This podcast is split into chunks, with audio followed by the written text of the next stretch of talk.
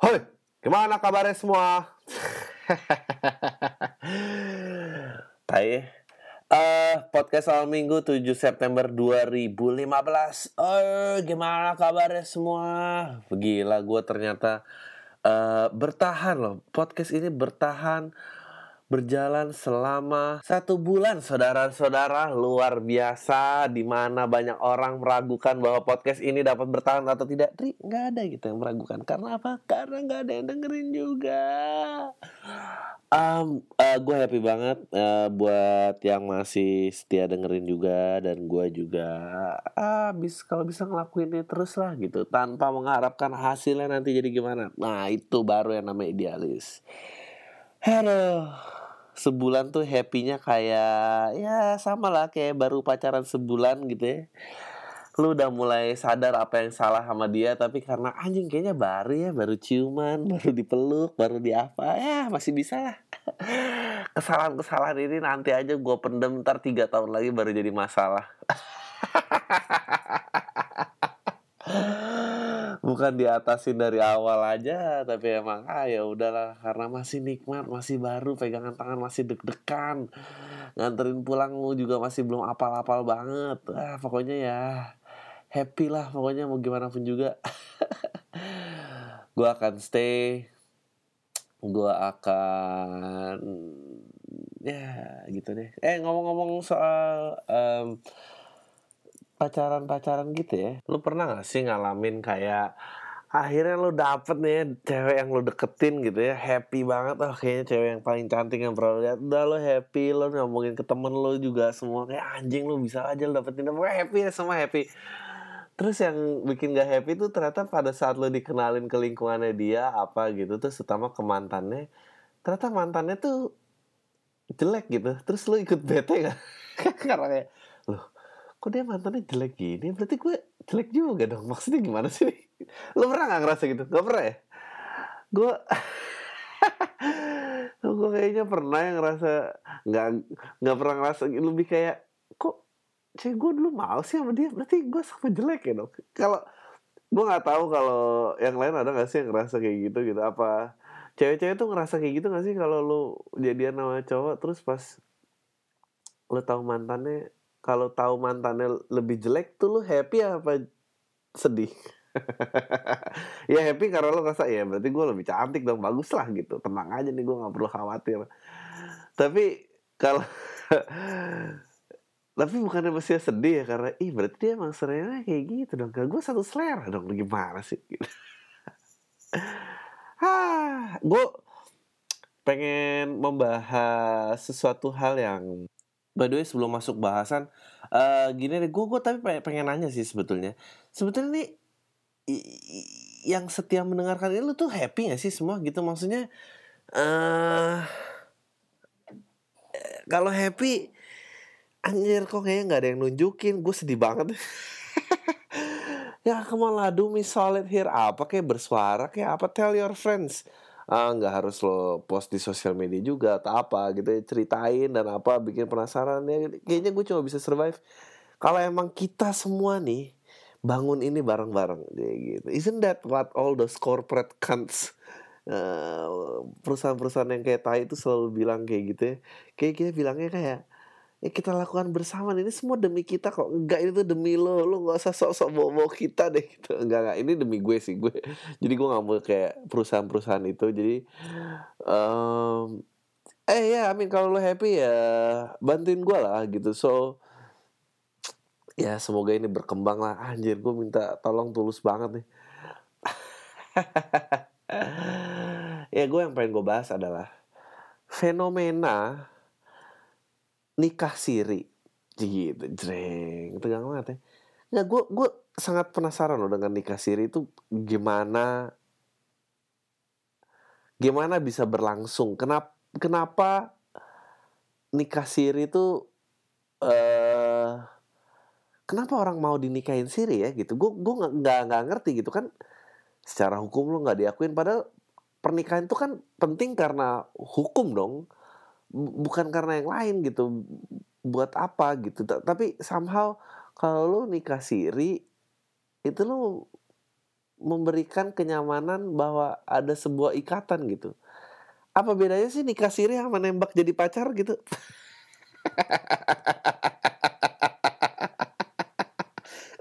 Tapi iya kan? Iya kan? Apa bedanya apa, apa bedanya apa nggak tahu bener. Gue gak ngerti sumpah. Gue gue gue selalu berusaha membayangkan selalu berusaha membayangkan orang yang gimana gitu proses nerimanya gitu. Gue bingung gitu apakah ide itu datang dari mana nikah siri gitu? Apakah datang dari seorang pria gitu? Kalau datang dari seorang pria it, itu gimana nyampeinnya gitu sayang nikah yuk ah yang bener kamu nikahin aku? Iya tapi siri ya. Masa gitu sih? Gimana gitu? Gue gue beneran berusaha terus lo happy gitu gimana sih? Kayaknya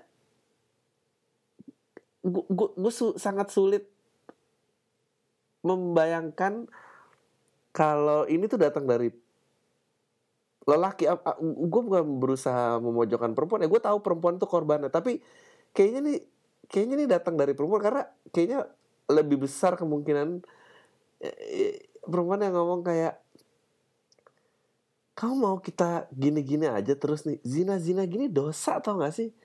Mendingan nikah lah paling gak siri ya gak sih? Kayak gitu nih cowoknya kayak ah oh, ya udahlah ya udah deh apa yang kamu bilang deh gitu gak sih? Atau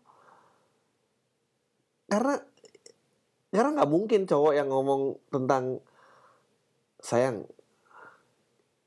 Kita gini-gini terus nih cik. Kamu nggak ngerasa dosa apa deh ya buat cowok ya perjuangannya kelar dong. Kalau udah telanjang gitu ya ya udah gitu. Sih nggak mungkin ya tiba-tiba ada sayang kita jangan gini terus lah. Paling kan nikah siri gitu. Nggak mungkin kan gitu. Nggak mungkin. Satu-satunya yang gue kepikiran ya situasi nikah siri itu datang dari cowok itu adalah pada saat cowok itu ngomong kayak gini kayak kamu ngapain sih deket sama dia? Kamu jadi apaan sih? Nggak jelas nggak jelas gitu mendingan sama aku. Aku nikahin Siri paling nggak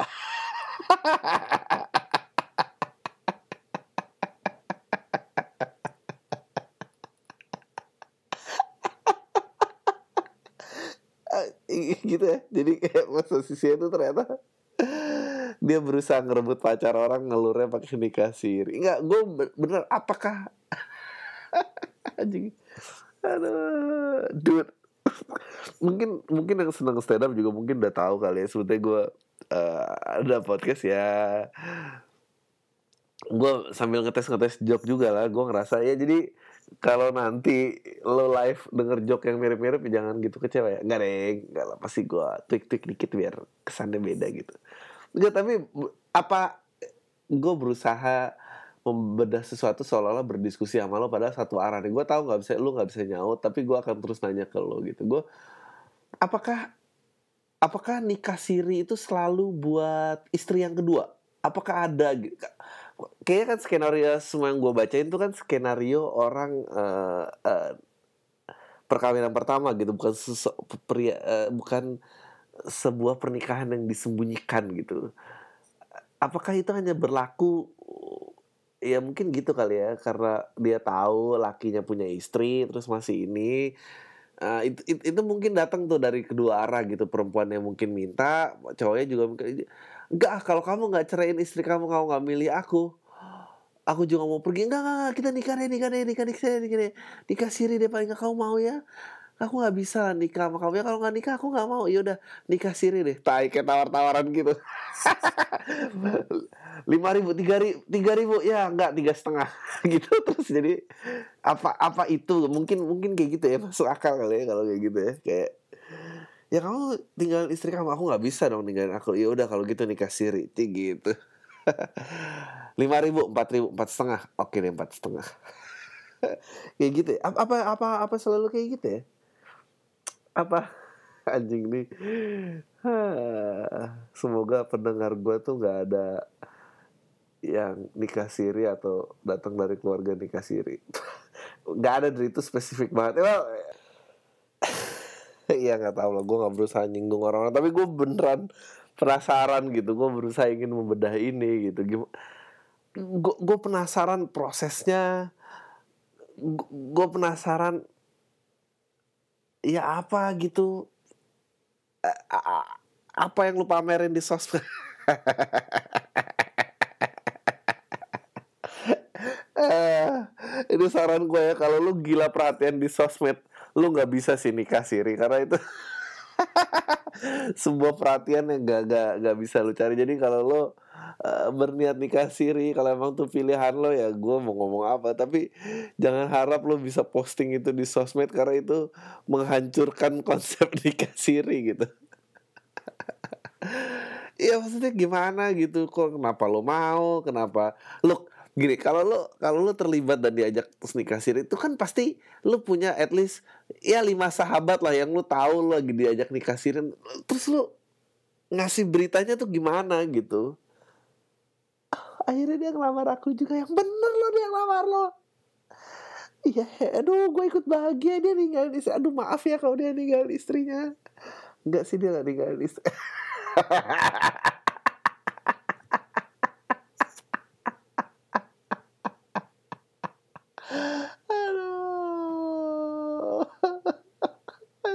sedih banget tapi tapi lo harus akuin ini ini ini 10 menit dengan joke terbagus kan yang pernah lo denger.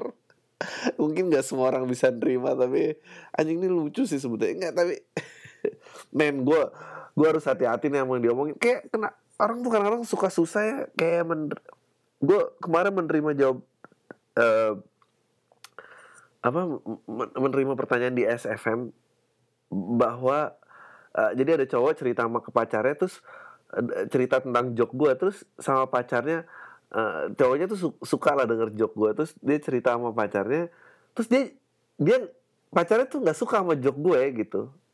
Katanya kurang ajar masa merendahkan perempuan gitu joknya. Hah terus gue bingung nih gue kasih tau ya joknya joknya adalah mungkin uh, yang kenal gue gitu ya. Cila kenal gue. Padahal ini satu-satu joke yang tampil di TV juga. Jadi uh, ini dulu juga masalah nih. Jadi dulu gue punya joke ceritanya adalah uh, gue cerita eh menurut lo eh, maaf ya kalau udah pada denger denger uh, menurut lo siapa yang lebih kepo cewek apa cowok gitu? Ini joke lama banget. Uh, and then penonton akan teriak oh cewek cewek cowok cowok. Saya menurut gue sih uh, cewek cewek itu emang lebih sering kepo ya tapi cowok tuh lebih parah gitu. Terus ini mau ketawa tuh gue bilang ya kan cewek tuh kepo cuma kamu di mana sama siapa kapan pulang uh, bla bla ini teman yang mana kenapa aku nggak diajak kalau kalau kangen kenapa nggak telepon kalau apa ya kayak gitu gitulah gitu. Tapi kalau cowok tuh kepo lebih parah gitu. Gue bilang ya cowok tuh ke keponya uh, kalau baru pacaran nih suka nanya kalau mau kamu mantan kamu udah ngapain aja. Tuh kayak wah anjing aneh banget gitu kan. Nah terus punchline-nya adalah gue cerita e, menurut gue lu nggak boleh gitu tuh karena pacaran tuh kayak nemu duit di jalan aja gitu. Lu nggak usah tanya siapa yang pulang. Ambil aja kantongin. Karena apa? Karena le lecek nggak lecek nilainya sama aja ya kan? Iya kan, abis itu makanya cowok-cowok lu mesti berpikir lu mendingan ketemu apa seratus ribu lecek apa seribu halus gitu kan? Lu harus lihat perempuan itu value-nya dong bukan bukan kondisinya. Itu kan sebetulnya yang gue omongin gitu. Eh, gue nggak gue dulu jok ini juga bermasalah sama Metro gitu. Gue nggak ngerti kenapa alasannya tiba-tiba dia cut gitu langsung pacaran tuh kayak nemu duit di jalan aja uh kan jadi jadi jadi rancu gitu. Padahal yang berusaha gue establish adalah cewek cowok tuh nggak usah kayak tai gitu. Menilai perempuan gitu dengan standar lo lu nggak boleh. Kalau lu suka ya lo harus terima perempuan itu apa adanya gitu. Uh, ya gue bingung ya kalau itu. Terus yang padahal joke itu gue sangat membela perempuan gitu. Bahwa perempuan tuh kondisi seperti apa pun nilainya tuh tidak turun. Sebetulnya itu yang gue omongin. Kenapa kenapa jadi nggak sopan deh gue gak, gak, ngerti. Sama kayak gue gue gue kalau ngomong gini juga aduh males sih gue kalau karena lu guys gue jujur aja sih gue beneran berniat uh, menghibur gue nggak nggak berusaha menjadi pahlawan kebenaran gue nggak berusaha menjadi eh ini gue keren yang lain katro ini apa gitu terus political bener nggak ada gue bener berusaha gitu jadi semua yang gue ucapin tuh kontekstual job jadi gue kalau di plinter terus ada yang tersinggung tuh gue jadi kayak anjing gimana gitu. Eh mas gue nih gue ngomongin nikah siri gitu sekarang. Ya ini konyol makanya jangan dilakuin ya gak sih? Gitu bukan kayak ih bang lu tega banget. Eh, enggak tapi ya. Ah gue gak ngerti deh ya. Terus kayak gue bilang aja ya kalau cewek lo udah beda gitu ya jangan dipacarin lah. Tapi nggak tahu deh gimana mungkin baca mungkin baru kali masih dicium masih enak. Nggak tahu ya gue nggak tahu lu pernah gak sih pacaran lama? Saking udah lamanya lu ciuman yang tadinya merem lama-lama lu tuh ciuman sambil melek terus lu mikir anjing nih kapan kelar ya? Terus terus lawan lu kayak buka mata juga gitu. Terus lu kayak anjing dia buka mata gue pura-pura merem deh gitu setiap seberjalannya waktu semua tuh akan akan mulai basi. Telepon gue bunyi lagi bentar. Nah balik lagi ngomongin nikah siri bersama. Anjing kapan lakunya nih podcast? Nggak bener gue tuh penasaran gimana ceritanya. Gimana apa gitu yang diucapin gitu orang tuh nikah siri bahagia.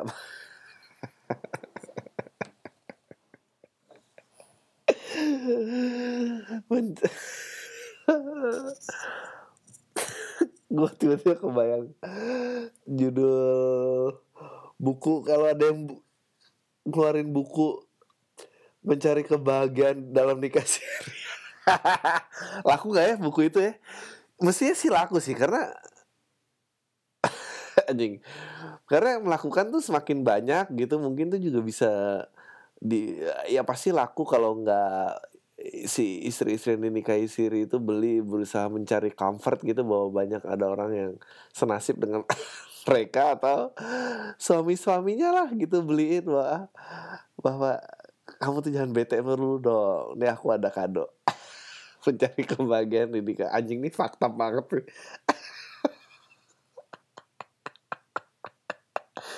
man.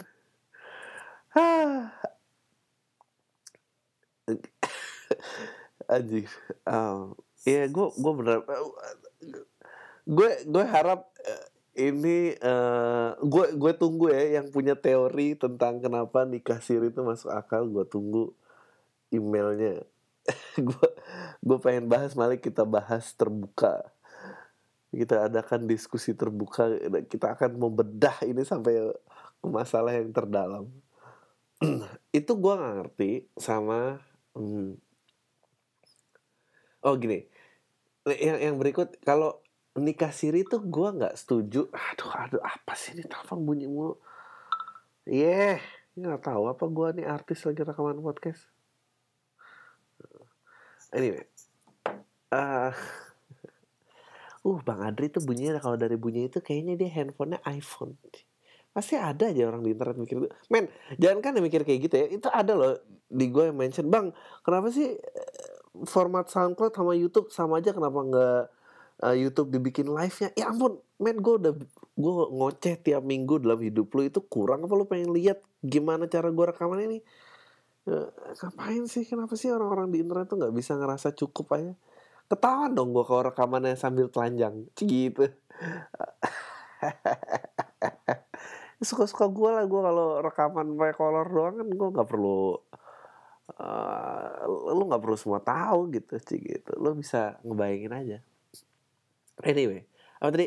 Oh nikah siri tuh ya gue gue nggak ngerti dan gue nggak setuju.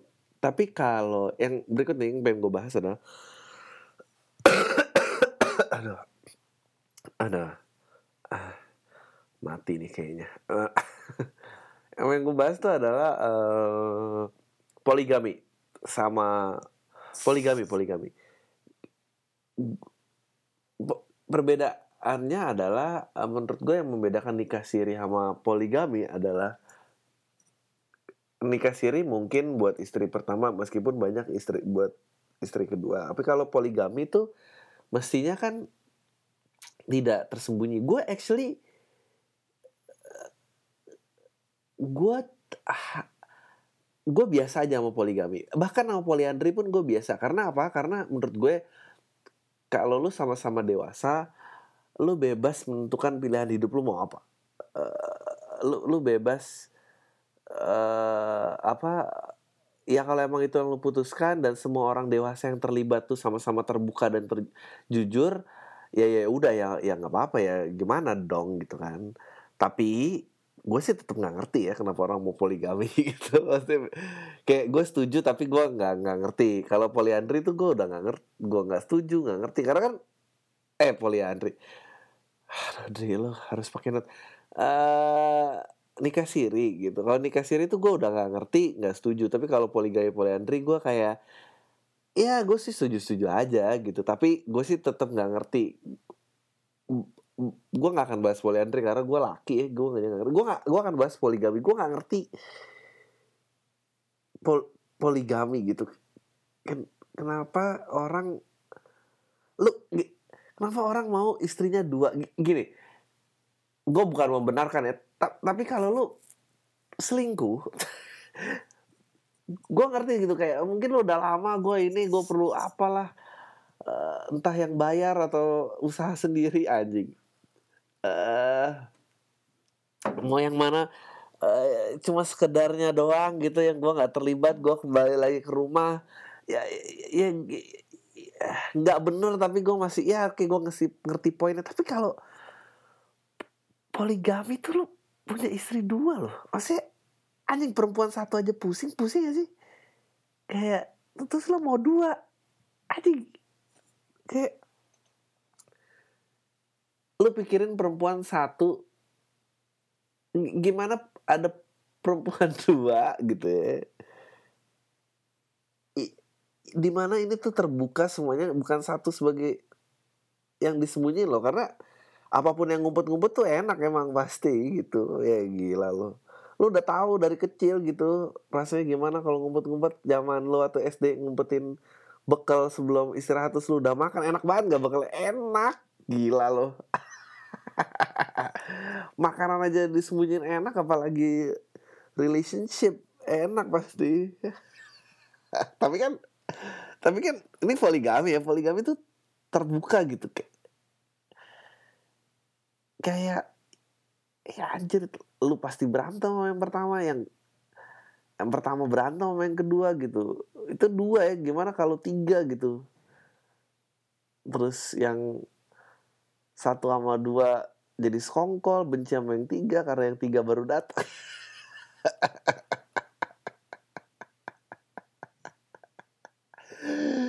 Itu yang dua itu pasti udah gosipin lo dan pengen bunuh lo tuh rasanya gitu. Katanya aku yang terakhir cing itu. Orang poligami itu bilang gitu gak sih? Terhadap istri yang mau dia lamar gitu kamu nih yang terakhir buat aku gitu. Bilang ya kira-kira. Ini fakta banget uh, apa? Terus tiba-tiba dia bilang yang terakhir. Terus buat ya buat istri yang kedua juga kayak kamu kamu yang terakhir dalam hidupku. Oh betul terima kasih aku happy banget. Kamu kok yang pertama nggak ngomong gini emang ya? Eh uh, uh. ya, itu, itu juga itu juga permasalahan lagi tuh cowok itu kan males sih jujur ya gitu. Kalau bisa nggak usah gitu kan ya sih? Daripada berantem. Lu jujur sama satu perempuan aja susah. Sekarang lo harus jujur sama dua gitu. Aja gue gak kebayang sih. Dulu dulu ada uh, eh, TV series sudah tamat sih tahun berapa ya? Coba lo cari di DVD bajakannya masih ada kali. Uh, nih biar keren nih referensi lo cigi itu sok banget. Nggak keren tuh nggak harus ikut gue kok tapi kalau mau ngerti apa yang namanya keren gitu dengerin gue. Um, ada uh, serialnya HBO itu uh, cerita tentang poligami, cerita tentang poligami, uh, melihat society. Aduh, itu apa ya agamanya? Di Amerika lah. Ah, aduh, tentang keluarga Mormon, Mormon agamanya. Karena Mormon tuh juga mengizinkan poligami itu. Nah, ini tuh jadi da dari cover aja tuh keren banget menurut gue. Jadi kayak lu tau kan uh, covernya tuh close up muka cowok yang kayak lagi mangku, mangku dagu. Nah, pas dia mangku dagu tuh lu sadar bahwa di jarinya tuh cincin kawinnya tuh ada tiga. ada tiga gitu kayak. Terus yang keren tuh waktu itu cerita episode pertamanya aja. Itu ceritanya tentang dari jadi dia istrinya udah tiga lagi mau nikahin yang keempat. Dan itu tuh mulainya tuh udah langsung anjing ribet banget nih cowok gitu hidupnya. Nah, nah ceritanya yang lucu adalah uh, pada saat dia mau mulai menikahi keempat dan ini persiap lagi persiapan menuju pernikahan yang keempat nih. Eh, yang keempat ya, ya lu terlihat perubahan dinamika di rumah di mana si satu dan dua tuh mulai ngerangkul yang ketiga gitu. Seolah-olah kayak ya, ya kita tahu lah rasanya apa nah, padahal tadinya yang ketiga tuh dijudesin terus sama satu sama dua. Ya iyalah ya gimana nggak dijudesin gitu. Gimana coba memperkenalkan yang kayak gini di rumah gitu? Sayang aku pulang ini nih ada teman baru.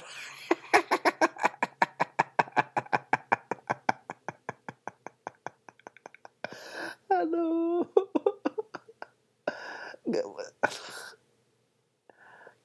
apa sih yang lu cari gitu? Lu nikah istri banyak aduh bener-bener.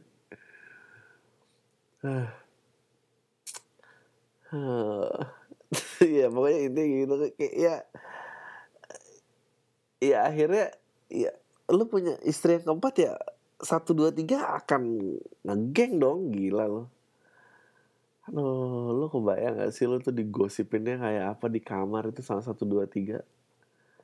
Lu tidurnya gak kayak eh, orang-orang yang yang melakukan poligami ya lu nggak bisa ngelihat idola di masyarakat gitu di mana ya, yang poligami itu nggak ada yang berhasil gitu. Gimana sih? Nggak ada happy endingnya gitu lu nggak lihat Agim tuh? Begitu. Ambil istri kedua pesantrennya pada ditinggal. Gila pada lagi populer populer habis bangun pesantren banyak pada cabut semuanya. Lu nggak lihat Wong Solo? Wong Solo tuh anjing restorannya di mana-mana gitu. Gitu tahu istrinya banyak. Ya, tahu Sumedang enaknya tahu Sumedang. Apa? Wong Solo istrinya banyak. Bah gitu kayak. Bangkrut gitu. Apa yang coba yang dicari? Kayak aduh kenapa nggak bisa minum dan ngeluh aja sih sendirian gitu daripada nambah istri.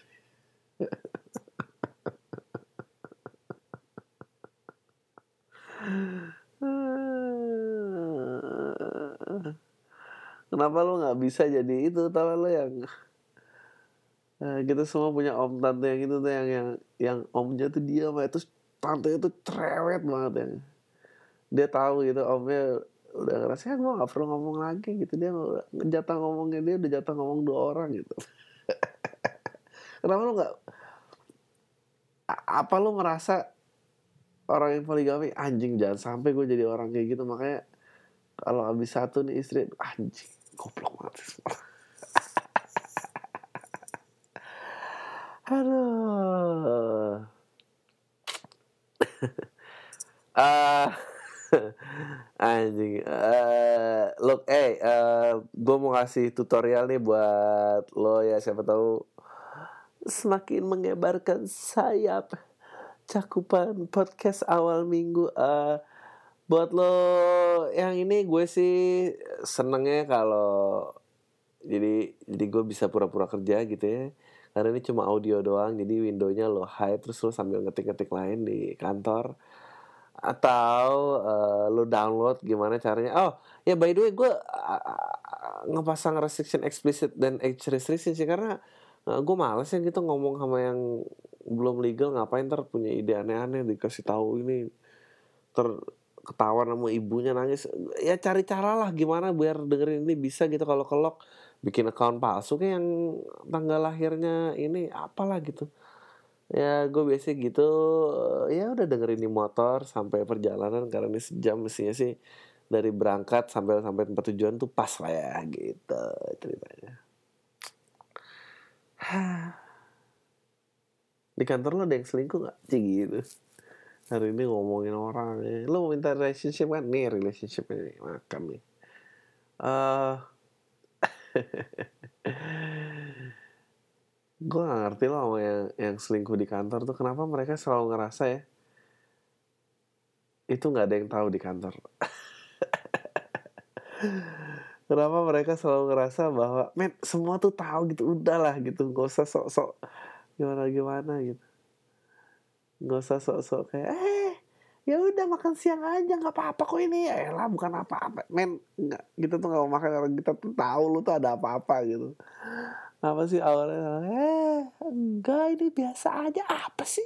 Gak apa-apa lah ini gabung sama kita. Ya lu tuh auranya intens banget gitu berdua. Lu terus lu masuk orang biasa ini apa join gimana? Nggak bisa lah. Oh enggak banget gue udah tahu lo dah ini. Aduh. Gimana Jakarta? Men, sebetulnya ada gak sih yang dengerin dari kota yang berbeda? Apakah uh, apakah ada di luar kota sana? Cerita dong, sinari kota lu gimana? Jakarta nih makin macet doang. Udah gak bisa diapa-apain lagi. Ah udah baca email aja Baca email Baca email. Sih ini komputer When I'm gone When I'm gone You gotta miss me when I'm gone. You gotta miss me by the hair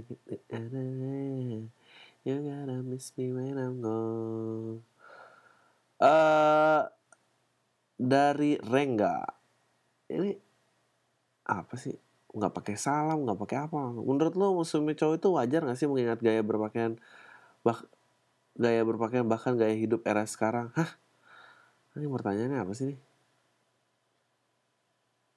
uh, menurut gue wajar apa enggak ya gini ini ini ini ini, ini selalu jadi debate ya gitu. Uh, gue nggak setuju sih kalau udah kayak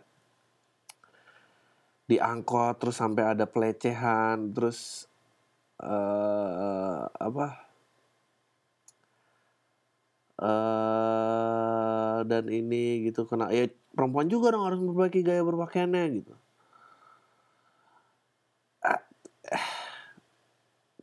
gimana kalau cowok belajar untuk mengendalikan nafsu again gue bukan berusaha sok benar gue malas nih kalau udah mengeluarkan pendapat benar tuh semua orang kayak bersorak-sorai ntar diulu-ulukan seperti pahlawan yang menertibkan lalu lintas itu nendang-nendang orang di terus.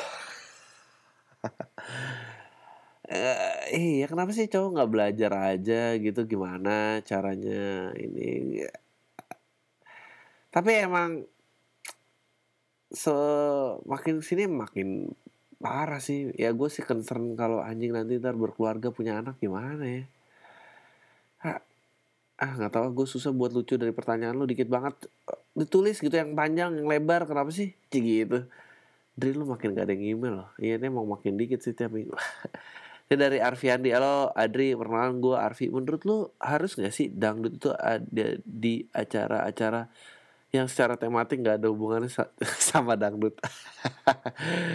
Misalnya di acara nikahan, ulang tahun, bahkan sunatan. Karena menurut gue si dangdut ini nggak perlu-perlu amat di acara tersebut dan kadang merusak core isi acara tersebut cila.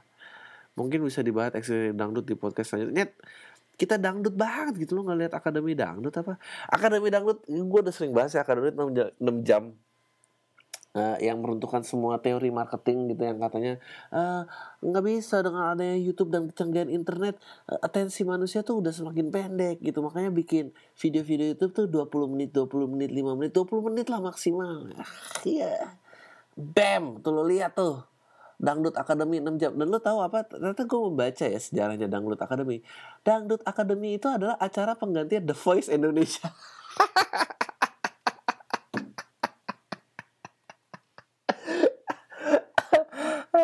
Jadi for buat lo semua yang ngerasa seleranya keren ya dan lu merasa yang lain itu katro ya lu bener.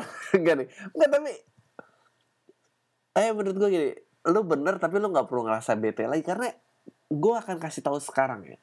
Kalau lu ngerasa keren dan gak ada orang yang ngerti terimalah fakta itu gitu. Janganlah berusaha kayak ya habis nggak ada yang ngertiin gue sih gini-gini. Eh emang nggak ada? Lu tahu kalau lu mau di ngertiin orang eh lu ikutin aja tuh. Acara mainstream dangdut akademi gitu dan gue nggak ngeledekin orang. Emang kenyataannya seperti itu gitu. Kalau dangdut akademi aja menang lawan menang lawan The Voice. Ya ya udah ya gimana dong gitu ya gak sih? Kayak aduh. Ah, gue suka sedih sama orang-orang yang suka masih berusaha diterima sama masyarakat. Lu ngerti gak sih kalau lu membuat pilihan dalam hidup lu itu ada konsekuensi lu nggak bisa gitu. Kayak lu kira ini buffet makanan apa? Gitu eh gue suka ini gue gak suka ini. Ini kayak eh, ini yang oke okay, ini eh, gitu. Lu nggak bisa gitu. Kayak lu tatoan terus orang tua lu marah gitu. Ya itu resikonya tatoan gitu lu maunya apa? Kayak lu mau tatoan terus kayak orang tua lo ngerasa bagus nah ini pencarian jati diri bapak ibu buku ya nggak bisa lo harus udah siap konsekuensinya. Lo nggak bisa kayak ah, orang Indonesia tuh kalau ngeliat orang tatoan ya Indonesia mana sih sebetulnya yang ngomong ini masyarakat Indonesia tuh banyak lah yang bertato sih gitu gue mulai berusaha menjadi orang yang so bener lagi Uh, ya tato tuh budaya universal ya sebetulnya. Sebetulnya yang nggak suka tato tuh adalah uh, orang tua lo mungkin atau lingkungan sekitar lo. Tapi lo tiap lihat lingkungan sekitar lo soalnya langsung Indonesia nih. Lo nggak tahu gitu Indonesia lo keluar tempat lo aja nggak pernah. Ini ada lagi. Ini gue udah bahas loh sih. Dedi. Bang, lo ngerasa gak sih media tuh membentuk orang menjadi seperti yang mereka mau. Bahkan menurutku sampai gimana cara berpakaian dan gimana harus bersikap. Ya iyalah. Eh gue kayak udah bahas ya, ya, ya, ya uh, iyalah gitu. Gimana lo nggak ngerasa dibentuk sama media? Orang tiap ahok bertindak apa uh, langsung ya itu reaksi yang mau dibentuk gitu. Oh, emang kalau mau meluruskan kerbau nih harus kayak gini. Anjir. Ya lu juga demennya gitu sih gitu. Kalau ada yang so bener reaksinya langsung gimana kalau biasa aja gitu lihat gitu. Ya dia emang salah ya tapi ya ya udah gitu. Mau gimana sih? Hah? apa harus jadi ini terus? Indonesia? Cik gitu. Indonesia lagi tanya oh ini ada pendengar setia gua nih kayak Udaya yang berikut ini kepikiran karena episode sebelumnya lu bahas tentang betapa nyebelinnya orang-orang yang suka share untuk nunjukin pencapaian hidup mereka. Mending jangan dibacain pas podcast lah. Refresh saya sesuka lu, ganti point of view-nya lu sendiri juga gak apa-apa. Nggak, nggak mau gue mau baca. Kenapa emangnya? Kenapa lu ngemail dan lu nyuruh... What do you want from me sih orang-orang sosmed nih? Orang-orang internet nih yang katanya terdepan. Ah, ceritanya gini Nah, kakak gue pusing banget nyiapin pesta pernikahan bla bla bla. Aduh panjang banget lagi marah-marah gini. Dia nggak mau ngikutin tradisi yang ada. Dia bilang pernikahan di Indonesia tuh konyol ngabisin ratusan juta buat dipajang di podium untuk salaman sama orang-orang yang sebagian besar lo nggak kenal. Dia tuh maunya teman dekat aja biar intim. Ortu, ortu gue nggak setuju. Tapi kakak gue bilang itu ego ortu aja uh, mau nyombongin kalau anak-anaknya udah berhasil. Nggak penting lah yang penting yang nikah tuh dia. Men lu kenapa marah-marah gini sih? Yang nikah kakak lu. Ya terus dia bilang of course it's a fucking idol dude. Men tenang men. Ini gue bukan orang tua lo lu kenapa marah ke gue gitu. Karena dia gini loh. Uh, eh, gue juga menghadapi masalah ini. Tapi gue menyikapinya tuh kayak gini kalau lu nggak pengen orang tua lo komentar satu lu minta duit orang tua nggak? Itu pertama itu dulu ya. Kalau lu ada duit orang tua ya lu ikut aja sih. Itu emang duit orang tua lo kecuali itu duit lo. Which is itu terserah lo. Ya kan? Ya ya nggak fair dong fair ya kan? Itu duit orang tua lo kalau orang tua lo ikut aja. Ya tapi kalau lo ya udah lo ini nah tapi lanjutannya adalah kalau emang itu duit lo kenapa sih lo pengen nggak bagian orang tua lo gitu? Maksudnya karena gini kita ini di generasi yang udah mulai mengerti referensi bahagia tuh banyak. Referensi oh gue bisa konten tapi mereka bukan generasi dari itu gitu. Kenapa ya ini again lagi kenapa kalau lo ngerasa punya sesuatu lo harus kayak tai tingkahnya gitu? Maksud gue gue pernah membahas ini sama kamu ya. Menurut gue kalau lo nggak pengen banyak uh, pendapat gitu ya lo kawin lari aja sih. Pasti nggak akan ada yang berpendapat ya nah, itu beneran loh. Itu, itu itu itu joke yang bagus dan point of view yang sangat bagus.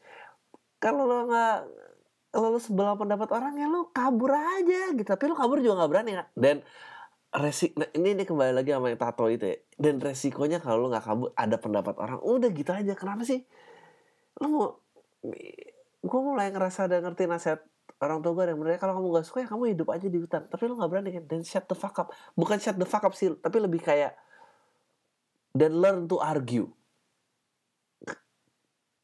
Eh karena good news people. Sama kayak lo sama orang yang selalu komen di detik.com namanya semua orang punya pendapat. Ya kenapa lo nggak bisa nerima? Kenapa lo nggak bisa? Ya udah lo kesel aja gitu nggak perlu. Kalau gak setuju kayak pendirian lo aja konyol. Anjir itu orang tua lo men. Ah ah nggak tahu lah. Ah, gue ngerti nih gue gue nggak suka ngomong sama anak kecil tapi di sini nih dia meskipun nulis gue marah-marah nih dia punya uh, point of view yang menarik nih yang yang, yang, yang gue juga jadi penasaran. Dia bilang uh, of course it's fucking ego dude. Ya yeah. bahasa Inggris. Biar keren harus. Jadi uh, syarat lagu keren kan gitu ya kayak Indonesia tuh setengah-tengah liriknya bahasa Inggris insecure nggak bisa bahasa Indonesia yang baik aja sebetulnya menurut atau atau atau atau kan karena kita sekarang harus berpikir global dan mengejar pasar internasional Dri. Kalau nggak kapan majunya? Karena pembajakan tinggi ah. Bikin aja lagu yang bagus kenapa sih? Anyway anjing lantur lantur gini gue seperti biasa lah gue raja yang lantur uh, dia dia dia punya point of view yang bagus banget. Dia bilang karena ego karena orang tua kita tuh nggak punya Facebook gitu. Jadi untuk nyombongin aja tuh nggak nggak bisa gitu. Dia nggak bisa nyombongin katanya gue nih udah kerja pejabatannya sekian gitu. Uh, eh, gue nggak sebutin lah dia kerja di mana gitu. Uh, nggak punya foursquare untuk ngasih tahu teman-temannya dia lagi liburan. Uh, pacar Maldives mau Maldives oh si orang itu terus nggak punya Instagram untuk nyomongin dia baru makan beef Wellington di hotel mulia. Food hashtag foodgasm hashtag life is simple. Hashtag just spend half of your salary on one day. On one weekend and keep eating nasi padang for the rest of month. Anjir. Nggak punya mereka. Anjir lu marah-marah banget sih. Dah lu marah-marah sih dah tapi lucu sih emang sih kayak tai tuh emang orang-orangnya. Beef Wellington di hotel mulia life is simple. Hashtag life is simple. Ya yeah. tapi ya menurut gue kenapa juga lo ngeklik hashtag life is simple sih itu yang harus lo cari sih. Kenapa lo nggak bisa ya, ya ngobrol aja sama teman dia bilang orang tua kita tuh punya kesempatan yang sedikit dalam hidupnya untuk bisa nyombong gitu. Dan dia, dia bilang dia cerita di sini bahwa gue nggak pernah ngeliat bokap gue jalan begitu tegap uh, untuk nyalamin orang dan oh ya gimana gimana makanannya dan apa bla bla bla. Itu kesempatan orang tua gua. Sih kalau lo bisa ngerti kayak gini kenapa lo bilang goblok sih? Ya sih. Ah nggak ngerti gue jadinya. Jadi lo setuju apa nggak setuju apa gimana sih? Makanya lo ketik tuh jangan marah-marah dong. Sih gitu. Ah ya men. Kalau mau kalau mau melakukan pengorbanan oh, kalau eh, gue gue setiap mau so bijak gue akan menghela nafas sih. Karena gue aduh kenapa kebijakan harus keluar dari mulut gue? Cik gitu. Men SFM gue yang nanya tentang cinta tuh baru sekali disukai 70 orang lebih. Gue sampai kayak anjing giliran kalau cinta menye dan bijak aja banyak yang nge-like giliran jok-jok bagus aja biasa aja. Karena emang it takes a wisdom to understand a joke dia bilang e, orang tuanya bisa bokapnya bilang lebih tegap pas pernikahan kakak gue sih bet tuh sih orang tua lo berjalan tegap itu itu itu konyol juga. Bagian ini konyol juga buat lo. Buat semua orang yang ribut sama bokap nyokapnya aduh nggak tahu gini kalau lo eh oke. Okay. tadi yang helaan napas gue lanjutannya adalah kalimat bijak hari ini adalah gue akan mulai gitu gue setiap memberikan kalimat bijak gue akan kayak kalau goblok banget sih belum ngerti. Terus gue akan ngomong ke bijak ya kalimat bijaknya adalah kalau lu mau melakukan kalau lu pengen berharap perubahan maka lo harus melakukan pengorbanan sih. Itu itu yang gue ngerti. Kalau lo merasa apa yang ada di kepala orang tua lo arti kebahagiaan itu konyol dan lo harus menjadi generasi yang berkorban. Dalam artian ya udah ikutin aja dulu sebentar sampai eranya mereka habis atau lu berdebat dengan baik baru anak lu biar bisa nikmatin kebahagiaan yang lu cita-citakan. Iya gak sih? Karena oke itu akan jadi ciri khas. Karena kalau lu cuma ngatain mereka konyol dan lu pengen mengharapkan perubahan lu adalah orang yang sangat egois gitu. Jadi orang-orang yang punya pernikahannya gaya-gaya pesta abad kini kembali ke alam dan apa segala macam hashtagnya itu mereka bersyukur karena mereka memiliki orang tua yang berkorban buat dia. Jadi buat lo semua nih kalau lo pengen event kebaikan ini. Kalau lo pengen masa depan tuh lebih baik buat anak-anak lo dan berkorban lah. Jangan cuma ngatain orang lu, uh, lu tuh bego. Masa lo gitu aja belum ngerti sih? Eh itu. Hey halo makasih. Oh ini ini saya masih ada es krim. Uh, oh ada es krim Singapura menunya hebat banget cik. gitu tapi dia oh dia merasa bahwa uh, tapi ini semua katanya bakal obsolete bakal nggak berlaku lagi di generasi berikutnya. Karena kita udah punya penyaluran nyombong yang lebih efisien dan efektif. Uh, lu bisa punya pernikahan simple dan intim mengundang temennya uh, pas nikah tapi lu plus. Maaf ya kemampuan baca gue bego nih gue ulangin tapi ini semua bakal obsolete di generasi berikutnya karena kita udah punya penyaluran nyombong yang lebih efisien dan efektif. Lu bisa punya pernikahan yang simpel dan intim, gak ngundang teman-teman lu pas nikahan anak lu, tapi lu post gila-gilaan dokumentasinya di sosmed. Ya ya ya, mungkin ya. Eh, men, sih jadi mendingan orang nyombong di sosmed karena yang enak dan gak ngerasa penting bisa tinggal di hide postnya. Beres gak perlu repot-repot kondangan. Hah. Jadi lu bilang ke gue, lu punya pemikiran di mana ini adalah uh, pernikahan itu adalah sosmed eranya buat orang tua kita gitu. Dan kita katanya bakal jadi ini bakal obsolete kita seolah-olah jadi generasi yang lebih intim uh, jadi yang anak tinggal hide jadi lu jadi lu mendukung intinya nih orang-orang nyombong di sosmed. Apakah itu? Apakah ini akan jadi obsolete? Enggak juga sih menurut gue gue gak tahu ya. Tapi point of view lu menarik banget sih bahwa lu bilang uh, gue bisa relate ya mungkin ada beberapa orang tua yang emang ini ajang kesombongan mereka gitu. Gue, uh, ya tau lah orang-orang yang seperti itu. Dan apakah ini ajang kesombongan 100% belum tuh sih menurut gue karena emang ada sih yang beneran ya kayak lu bilang tadi gitu lu lihat bokap lu berjalan tegap dan bangga ya. Karena emang bahagia aja sih gue rasa itu Terus uh, apakah kita jadi akan jadi generasi yang membiarkan uh, anak-anak kita gitu? Ah belum tentu juga. Menurut gue itu masalah ego sih. Ya kembali lagi tadi uh, kalau lu generasi yang dapat berkorban yang lu nggak punya ego, mungkin lu akan jadi generasi yang lebih uh, baik gitu. Tapi menurut gue sombong tuh lintas generasi. Jadi kalau kalau lo nggak nyombongin real life eh, tapi kalau nggak nyombong di real life lo gimana ngebombardirnya di sosmed? Jelek banget lagi pernikahan intim kecil lo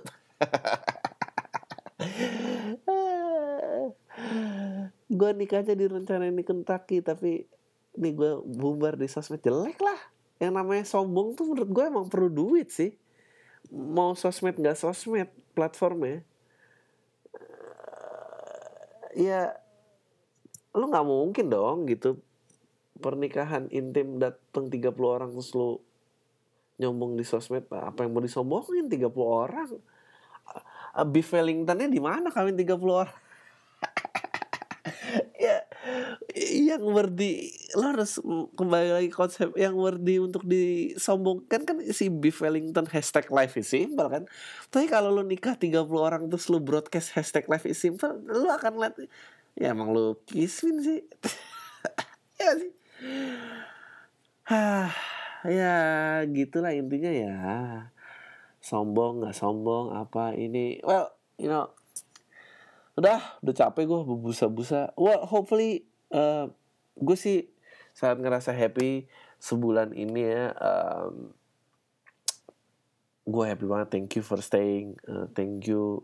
Terus dengerin uh, apa terus email gue di pod, eh, podcast awal minggu. Dan ketemuan yuk di sosmed eh sosmed stand up fest. Yuk temuan gue udah lama nggak tampil live. Uh, dukung gue.